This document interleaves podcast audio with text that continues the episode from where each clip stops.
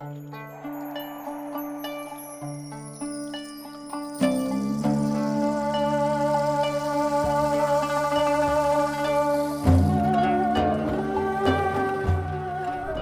أرنا الحق حقا وارزقنا اتباعه وأرنا الباطل باطلا وارزقنا اجتنابه.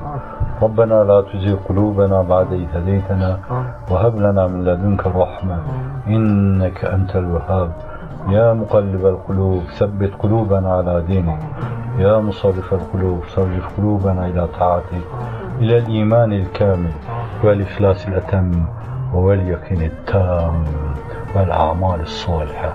وصلى الله على سيدنا محمد وآله وصحبه وسلم.